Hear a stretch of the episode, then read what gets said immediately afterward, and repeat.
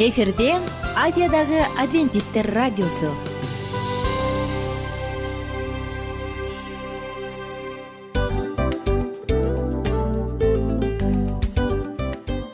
Достор салют. Баардык сүйүктүү угармандарыбызга салам айтабыз. Кутман күнүңүздөр менен.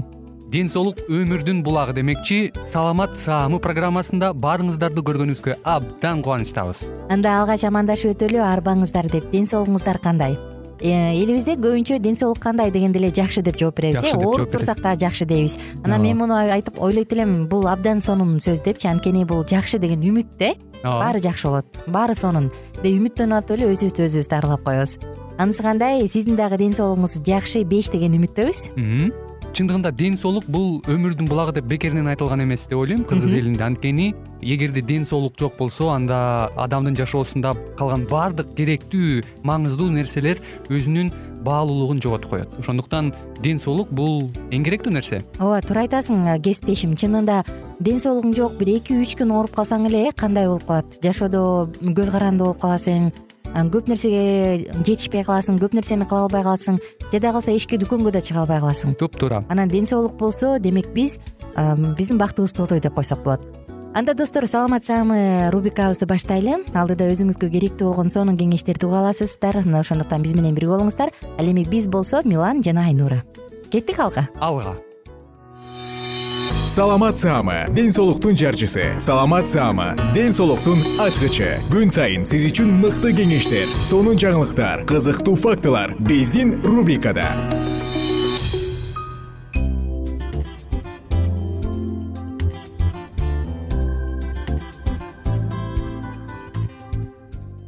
Арбаңыздар жалпы кадырлуу кыргыз калкы жалпы биздин сүйүктүү угармандарыбыз жыштыгыбыздан үн алышканыма абдан кубанычтамын бул саламат рубрикасы жана бүгүнкү темабыз атеросклероз деп аталат. Ооба атеросклероз. Атеросклероз ии склероз болуп калыптырмын деген оору сөздөр абдан эле кеңири таркалган э. Бүгүнкү күндө керек болсо кээде койгон ачкычыбызды алган акчабызды э, чечкен бут кийимибизди баарын айтып унутуп коебуз. Үйдөн чыккандан кийин ии газды өчүрдүм беле светти өчүрдүм беле үтүкчү жана үтүктү атпадым беле аны өчүрдүмбү сурдумбу же сурган жокмунбу? деп түпөл болуп мээбиздин унутчаактыгынан абдан эле ушундай бир тынчсызданып келебиз. Кошулат болушуңуз керек э? Тилекке каршы кимдир бирөөнө атеросклероз деген дарт деп диагноз дагы коюлат. Кандай коркунучтуу жактары бар? Эмне себептен атеросклероз коркунучтуу? Жана аны алдын алыш үчүн андан дарыланыш үчүн биз бүгүн кандай сок менен бөлүшөбүз? Мына булардын баардыгы алдыда. Атеросклероз бул топон суюк ботко же болбосо катуу бекем өнөкөй жүрөк кан тамыр оорусу дал ушундай грекчеден ушундай болуп которулат экен. Атеросклероздун пайда болушунда липид майынын алмашуусунун бузулушу чечүүчү мааниге ээ артерия кан басымынын көтөрүлүшү ички секреция бездеринин кандын уюшунун бузулушу ошондой эле социалдык коомдук факторлор илим менен техниканын өөрчүшү кайгыруу стресс абалдары атеросклероздун пайда болушуна түрткү берет семиз адамдар жана кара күч жумушу менен аз иштегендер атеросклероз менен көбүрөөк оорушат андан тышкары тукум куума бул ооруга жакындык улуттук өзгөчөлүктөр дагы атеросклероздун өөрчүшүнө таасир тийгизет. Артерия кан тамырынын ички бетинде майлуутак фиброздуу төмпөкчөлөр берчтенген төмпөкчөлөр кальциноз же атерокальциноз пайда болот. Атеросклероздогу өзгөрүүлөр эң алды чоң күрөө тамырлардан башталат. Эми мындай оорунун өөрчүшү эки мезгилге бөлүнөт. Биринчиси башталыш э? Оор белгилери али билине элек убагы экинчиси күчөшү. Оор белгилери ачык билинген кезде атеросклероздун башталышын билиш кыйын. Ошентсе да артерия кан тамырынын реакциясынын күчөшү да канда холестерин фосфолипид липопротеид майларынын көбөйүшү оорунун башталышы десек болот. Айрыкча мээнин жүрөктүн бөйрөктүн буттун кан тамырлары жабыркайт мээнин кан тамырларынын атеросклерозунда адамдын ички жөндөмдүүлүгү төмөндөйт. Унутчаак болуп бат чарчайт. Оорулуунун башы айланып салмактанат. Дүңгүрөп уйкусу качат.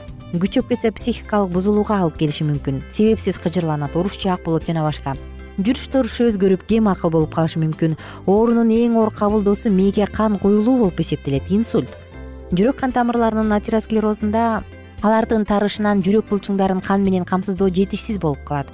Натыйжада көкүрөк же жүрөк тушу катуу ооруйт оору өтө чарчаганда же өтө капаланганда кийин жайчылыкта деле сол колго далыга же моюндун сол тарабына тарайт. Стенокардия миокардтын инфаркты деп коет эмеспи. Атеросклерозду дарылаш үчүн жашоо тиричиликтин рационалдуулугунун өзгөчө ролу ойнойт адамдын жашына жана жалпы абалына жараша булчуңдарды активдүү иштетүү зарыл. Атеросклероз менен ооруган улгайган кишилерге гигиеналык жана дарылоочу гимнастика жөө басуу таза абада көбүрөөк жүрүү пайдалуу. Малдын майын жана холестеринге бай тамак ашты таттууну өтө эле аз жеш керек. Колдон келсе жебей эле койгон жакшы. Андан тышкары албетте өсүмдүк майын жашылча жемишти көп пайдалануу сунуш кылынат. Оорулуу семире баштаса врач тамакты аз ичүүнү атайын белгилеп берет мүнөздөп анан албетте жакшы укташ керек капыланбаш керек тамеки тартууга болбойт ичкилик ичүүгө болбойт мезгили менен санаторийде дарылануу зарыл бул атеросклероз жөнүндө жалпы маалымат болду. Эми атеросклероздо биз кандай сокту сунуштайбыз? Достор биз сиздерге бүгүн савис согун сунуштайбыз. Кадимки эле савис ооба кадимки эле сабиз кыргызстанда өтө эле кеңири өтө эле жеткиликтүү. Кыш жайбы жылдын кайсы мезгилине карабастан дайыма базарда сатылып турат. Дал ошол сабиздин согу негизи өзү бул холестеринди төмөндөтпөйт. Бирок артерияларды бузуудан жана ал жакта кычкылдануунун баардыгын алдын алат. Техас университетинин окумуштуулары америка кошмо штаттарында алар изилдөө жүргүзүшкөн. Изилдөөдө катышуучулар үч ай бою күнүгө бир стакандан сабиз согун ичип турушкан. Натыйжада сабиз согу артериялардын ички катмарын коргоорун жана ошондой эле алар ал жакта кычкылданып кетүүсүнө жол бербесин жана эмболия тромбоз инфаркт сыяктуу оорулардын баардыгын алдын алаарын далилдешкен. Артериялардын баардыгы жакшы болуш үчүн албетте биринчи эле кезекте холестериндин деңгээли төмөн болушу керек э? Ошондуктан күнүгө бир стакандан сабиз согун ичип турууну сунуштайбыз. Сабиз эле бир эле стакан сабиз согунда адамдын бир күндүк дозасына жете турган а витамини бар. А витамин. Ошондой эле сабиз согу баардык рак ооруларына каршы мыкты эффективдүү сок жана албетте эмчек сүт бездеринин рагына дагы каршы сонун азык болуп саналат. Эгерде сиз күнүгө бир стакандан сок иче турган болсоңуз анда боору аны толук иштетип бүтө албайт тагыраак айтканда бета каротин а витаминине айланып жетише албай калат. Анан ошондон улам адамдын денеси саргайып ошо сабиздин өңүндөй боло баштайт албетте бул нерсенин коркунучтуу жагы жок. Болгону гана бир аз сокту азыраак ичип кое турган болсо тери кайра баштапкы абалына кирет. Сабиз согун даярдоо ыкма сизге бир порция үчүн эки жүз элүү миллилитр үчүн беш сабиз керек орточо көлөмдө жана бир аш кашык лимон ширеси. Сабиздерди ачып тазалаңыз дагы соковыжималкадан өткөрүп алыңыз. Ага лимон ширесин кошуңуз. Э, бул баягы сабиздин кычкылдамын кетирип коет. Анан болду тыпырайтып ичип атсаңыз болот антиоксидант. Ал мыкты сонун антиоксидант.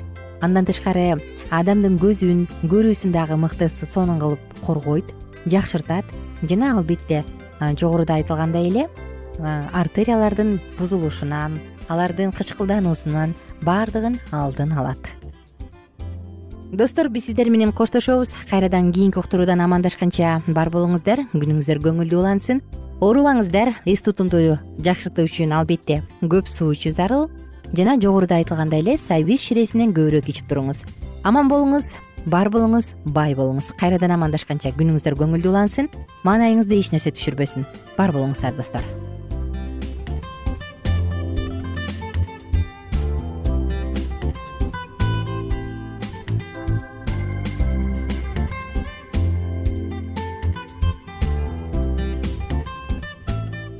кененирээк маалыматтар үчүн үч w чекит саламат чекит клуб сайтына келип таанышыңыздар. Жана андан тышкары социалдык тармактарда youtube facebook жана instagram баракчаларына катталыңыз. Саламат саама ден соолуктун жарчысы. Саламат саама ден соолуктун ачкычы. Күн сайын сиз үчүн мыкты кеңештер сонун жаңылыктар кызыктуу фактылар биздин рубрикада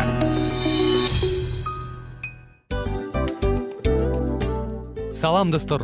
Кайрадан биздин сүйүктүү рубрикабызга кош келиңиздер деп айтмакчыбыз. Баардык замандаштарыбызга арбаңыздар деп саламыбызды айтабыз. Улуу ушундай бир урматтаган учурашуу менен анан дил маек радио баракчабызга чакырабыз. Негизи дил маек биздин рубрикабызда эмне жөнүндө кеп кылабыз бул дил маектин мааниси эмнеде рубрикабыз менен кичине тааныштырып кетсеңиз. Сөзсүз түрдө тааныштыра кетейин кесиптешим суранычы боюнча бул учурда бул радио баракчада биз ар тарап кесип ээлеринен сонун кеңештерди алабыз сүйлөшөбүз сырдашабыз. Аталарыбыздын эжелерибиздин апаларыбыздын кеңештерин угабыз айтор. Жан дүйнөгө адамдын э, сапатына адамдын деги эле адам болуп жашашына керектүү баардык кеңештер алдыда. Негизи э, дил маек дегенде баягы эки адамдын ортосундагы сырдашуу кенен сүйлөшүү. Негизи эле биз адамдар бири бирибиз менен бир жерге жай жерге отуруп алып өзүнчө тынч э, жашоо жөнүндө өмүрүбүздө эмне болуп атканын бөлүшкөнү жакшы көрөбүз э адамдар. Ооба туура айтасың анан мындай учурга кээде убакыт да жетпей келет э? Же болбосо сырыңды кайгыңды муңуңду кубанычыңды айткың келет а адамга ишенбешиң мүмкүн. Ооба. А бул радио баракча угармандарыбыздын чыныгы досу. Анткени бизден алган кеңеш сиздин жашооңузга чоң жардам берет. Ал эми сиздин бизге айта турган сөзүңүз ортодо гана сыр бойдон калат. Ошондуктан биздин дил маек рубрикабызга дагы бир жолу кош келиңиздер. Жана биз даярдаган маалыматтарга даяр болуңуздар. Айнура жана милан сиздер менен бирге алдыга кеттик ар түрдүү ардактуу кесип ээлеринен. Алтын сөздөр жүрөк ачышкан сыр чачышкан сонун маек. Дил маек рубрикасында.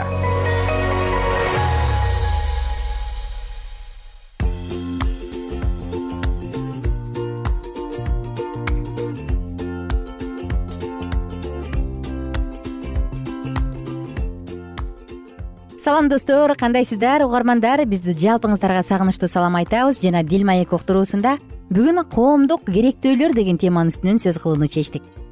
Э, эске сала кетсек бул цикл бактылуу үй бүлө деп аталат. Жана бул циклдын алкагында сиздер менен үй бүлө бактылуу болуш үчүн эмне керек? Үй бүлөнүн бакыты үчүн эмне керек? Мына ушул жөнүндө сөз кылып жатабыз. Бакыт дегенде эле кимдир бирөө материалдык ченем менен өлчөйт бирок ошентсе дагы кабат кабат үй бир нече кымбат баалуу унаалар адамга бакыт тартуулай албайт э? Баары бир адамдын жан жүрөгү жан дүйнөсү жалгызсырап кала берет эмеспи бирок ыраазы болуу кайсы бир жөнөкөй эле эрежелер бизге чоң бакыт тартуулап коюлат мүмкүн сиздин бакытыңыз жаныңыздадыр бирок аны кабыл алганды билбей жаткандарсыз мүмкүн сизди өзүңүздү бактылуу сезгениңиздин себеби жөнөкөй эле эрежелердир ким билет? Бирок эң башкысы биз үй бүлөдө туулабыз. Үй бүлө биздин мамлекетибиз кичинекей айылыбыз кичинекей очогубуз. Уябыз анан ал жактан учуп чыгабыз. Бирок ошол үй бүлөдөн эмнени ачып алып учуп чыгабыз кийин биз кандай үй бүлө курганга аракет кылабыз? Мунун баардыгы тең албетте чоң тапшырма. Достор анда биз темабызды баштайлы бүгүнкү темабыз коомдук керектөөлөр ар адам өзүнө жолдошторду табат э? Жора жолдошторубуз бар кан досторубуз жан досторубуз курбуларыбыз бар. Жана ошол эле достуктун күчүнө жараша жолдоштордун бири бирине болгон таасири жакшылыкка же жамандыкка багытталган болот. Баардык адамдардын мамиле кылуучу өздөрүнүн жолдоштук чөйрөлөрү бар ал жерде бирөөлөр өз таасирин тийгизет же тескерисинче бирөөлөрдүн таасирине кармалып калышат. Кудай сөзү адамдарга мамилелешүү үчүн таасирденүүгө өзгөчө басым коет. Мамилелешүүнүн иштеген иши балдардын жана жаштардын акыл эсинин жайгашуусунда өтө жогору. Алар болуп жаткан уюшмалардагы алардын өздөрүнө кабыл алып жаткан кылык жоруктары өздөрүндө өстүрүп жаткан негиздер алардын алдындагы жашоолору үчүн керектүү суроолорду чечип жана алардын келечектеги тагдырын айырмалайт. Жаш адамдар өздөрүнө сөзсүз жолдошторду табышат. Алардын таасирине кабылууга аргасыз болот.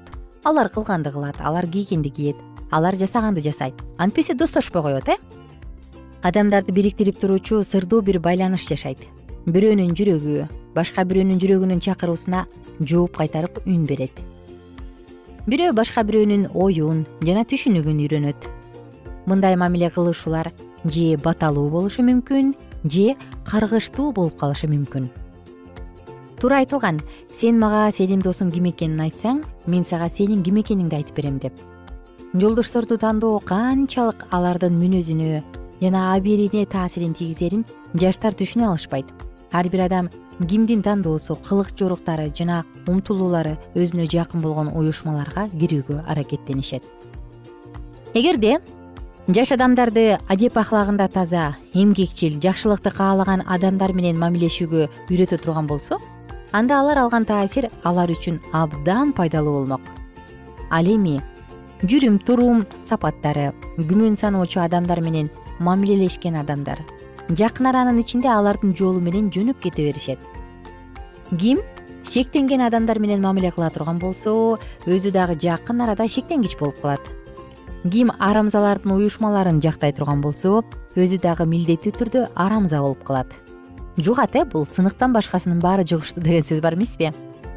Жаш адамдын ой пикир негиздери башталышында таанышкан адамдарынын пикирлеринен башкача болушу мүмкүн. Бирок ал бул адамдарга кошулгандан кийин аларга жакындашуу менен анын ою жана сезимдери алмашат ал өзүнүн көзү жетип тургандарын курбан кылуу менен билбестиктен бирок кайрылуусуз өз тааныштарынын деңгээлине түшүп кетет.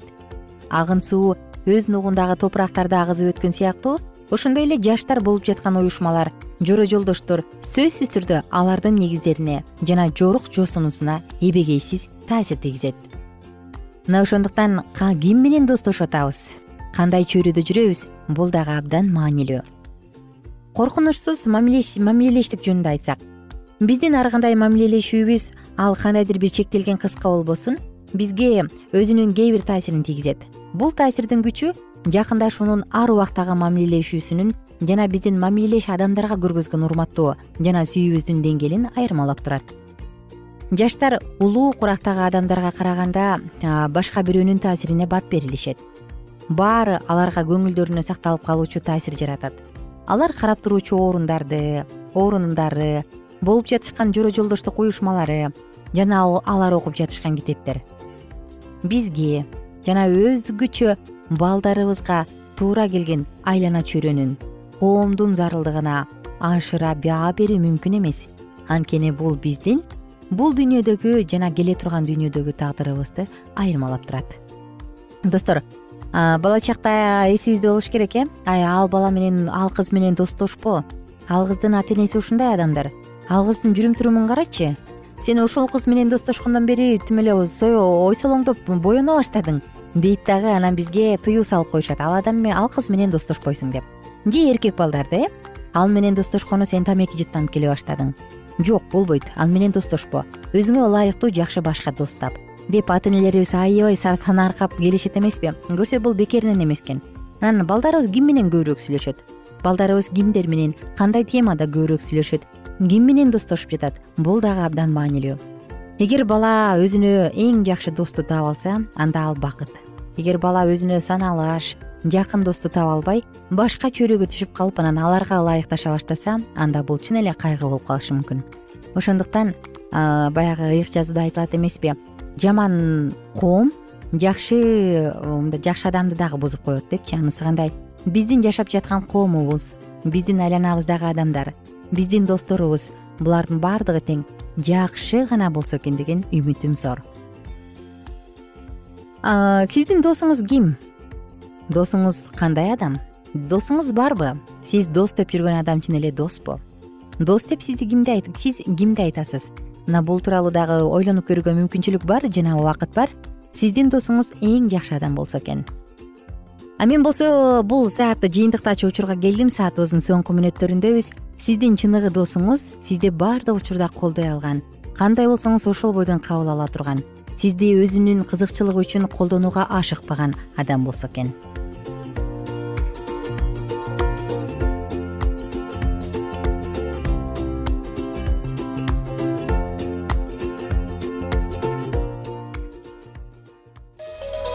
ар түрдүү ардактуу кесип ээлеринен. Алтын сөздөр жүрөк ачышкан сыр чачышкан сонун маек. Бил маек рубрикасында.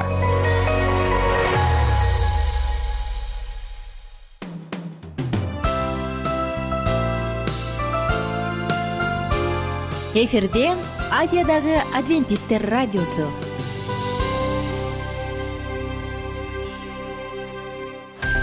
жан дүйнөңдү байыткан жүрөгүңдү азыктанткан жашооңо маңыз тартуулаган жан азык рубрикасы.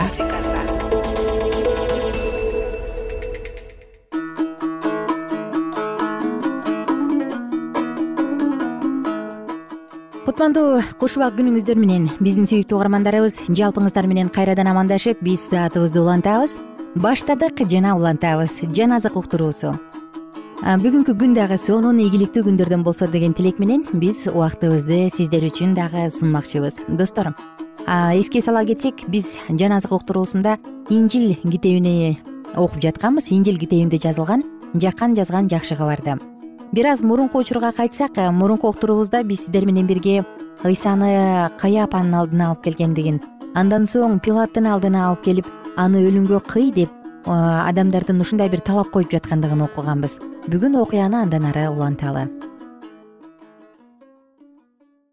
Жакан жазган жакшы кабар он тогузунчу бөлүм. Ушундан кийин пилат ыйсаны камчы менен сабаттырды. Аскерлер тикенектен таажы өрүп ыйсанын башына кийгизишти да үстүнө кочкул кызыл түстөгү чапан жабышты. Алар андан салам жүйүт падышасы! деп аны жакка чапкылашты пилат кайра сыртка чыгып аны силердин алдыңарга алып чыгам бирок билип койгула мен андан эч кандай күнөө тапкан жокмун деди. Ошондо башына тикенек таажы үстүнө кочкул кызыл чапан кийген ыйса сыртка чыкты. Пилат аларга мына ал адам деди.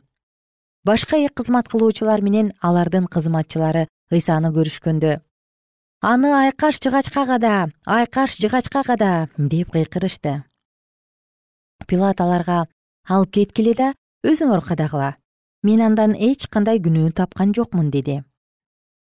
Жүйүт башчылары ага мындай деп жооп беришти. Бизде мыйзам бар. Ошол мыйзам боюнча ал өлүүгө тийиш. Анткени ал өзүн кудайдын уулумун деп айтып жатат пилат бул сөздү укканда мурункудан да катуу коркуп кетти. Кайра ак сарайга кирип ыйсадан кайсы жерденсиң деп сурады бирок ыйса ага жооп берген жок. Ошондо пилат ага мага жооп бергиң келбейби? Сени айкаш жыгачка кадатуу да бошотуп жиберүү да менин колумда экенин билбейсиңби? деди. Ыйса ага асмандан берилбесе менин үстүмдөн эч кандай бийлик кыла алмак эмессиң. Ошондуктан мени сенин колуңа салып берген адамдын күнөөсү көбүрөөк деп жооп берди ал ошол убакыттан тартып пилат ыйсаны бошотуунун жолун издей баштады. Бирок жүйүттөр эгерде аны бошотуп жиберсең анда сен рим падышасынын досу эмессиң. Өзүң падыша эсептеген адам рим падышасына каршы деп кыйкырышты. Пилат бул сөздү укканда ыйсаны сыртка чыгартты. Анан ал грекче литостратон еврейче габатта деп аталган аянттагы сотта гана отурду. Бул таш аянт деп которулат ошол күнү пасах майрамынын алдындагы жума күнү эле алтынчы саат чамасы болчу. Пилат жүйүттөргө мына силердин падышаңар деди. Бирок алар жогот жогот аны айкаш жыгачка када деп кыйкырышты. Пилат алардан падышаңарды айкаш жыгачка кадайынбы деп сурады. Башкы кызматкылчулар ага рим падышасынан башка падышабыз жок деп жооп беришти акырында пилат ыйсаны айкаш жыгачка кадатыш үчүн алардын колуна салып берди. Алар ыйсаны алып кетишти. Ыйса өзүнүн айкаш жыгачын көтөрүп баш сөөгү деп аталган жерге жөнөдү. Бул жердин еврейче аталышы галгофа аны ошол жерде айкаш жыгачка кадашты. Ыйсанын эки жагына дагы эки адам айкаш жыгачка кадалды. Пилат тактайча жасаттырып анын бетине назареттик ыйса жүйүттөрдүн падышасы деп жаздырды да айкаш жыгачтын өйдө жагына илдирип койду.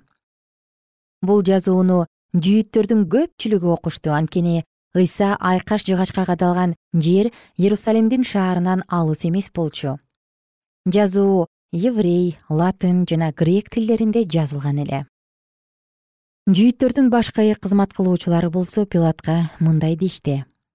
Жүйүттөрдүн падышасы деп эмес ал мен жүйүттөрдүн падышасымын деди деп жаз. Пилат аларга болду жазарымды жаздым деп жооп берди. Аскерлер болсо ыйсаны айкаш жыгачка кадагандан кийин анын кийимин бөлүп алышты. Анын кийимин төрт аскер бөлүп алды.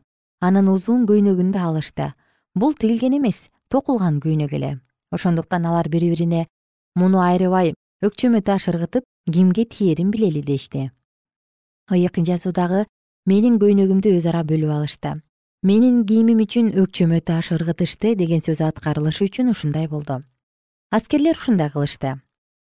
Ыйса кадалган айкаш жыгачтын жанында анын энеси тайжеси клеопанын аялы мариям жана магдалалык мариям карап турушкан эле. Ыйса энесин жана анын жанында турган сүйүктүү шакиртин көргөндө аял бул сенин уулуң деди андан кийин шакиртине бул эми сенин энең болсун деди. Ошол убакыттан баштап ошол шакирти ыйсанын энесин колуна алды. Ошондон кийин ыйса баары аткарылганын билип суусадым деди. Ыйык жазуудагы сөздүн аткарылышы үчүн ушундай болду. Ошол жерде ачуу ичимдик куюлган бир идиш турган эле. Аскерлер ага соргучту малып аны иссоп бутагына байлап ыйсанын оозуна такашты. Ыйса аны таткандан кийин аткарылды деди. Анан анын башы шылк дей түштү. Ошентип ал жан берди. Ал күн жума күн болгондуктан жүйүттөр алардын ишембиге чейин айкаш жыгачта калышын каалашкан жок. Ошондуктан алар пилатка барып алардын буттарын сындырып өздөрүн жыгачтан түшүртүп салуусун суранышты. Анткени ал ишемби күн улуу күн эле. Ошентип аскерлер келишти да ыйсанын жанында кадалган эки адамдын буттарын сындырышты. ыйсанын жанына келип анын өлүп калганын көрүшкөндө анын бутун сындырышкан жок. Бирок аскерлердин бири ыйсаны найза менен кабыргага сайды ошол замат кан менен суу акты. Муну өз көзү менен көргөн адам күбөлөндүрүп жатат жана анын күбөлөндүрүүсү чындык. Ал өзүнүн чындыкты айтып жатканын билет. Ал силердин да ишенип калышыңар үчүн күбөлөндүрүп жатат. Ыйык жазуудагы анын сөөгү сындырылбасын деген сөздүн аткарылышы үчүн ушундай болду. Ыйык жазуунун дагы бир жеринде алар өздөрү найза менен сайган адамды көрүшөт деп жазылган.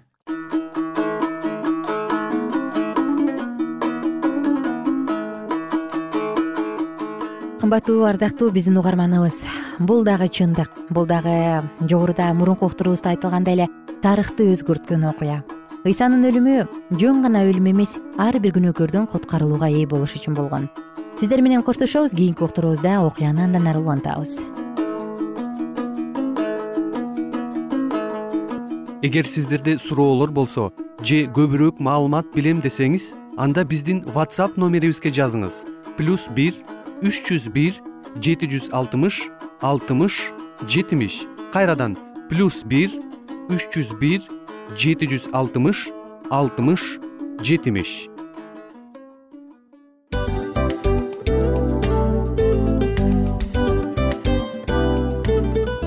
Достор биздин радио баракчаларыбыз соңуна келди. Демек бул программабызды дагы жыйынтыктачу учур келдик. Учурга келдик. Анан кесиптешимден сурагым келип турат. Негизи эле иштин башталып атканы кубандырабы сени же жыйынтыгы кубандырабы албетте жыйынтыгы себеп дегенде сен кылган ишиңдин жыйынтыгын көрүп э, баягы мөмөсүн көрүп дегендей жыргайсың жүрөгүң жемишинен тартып э?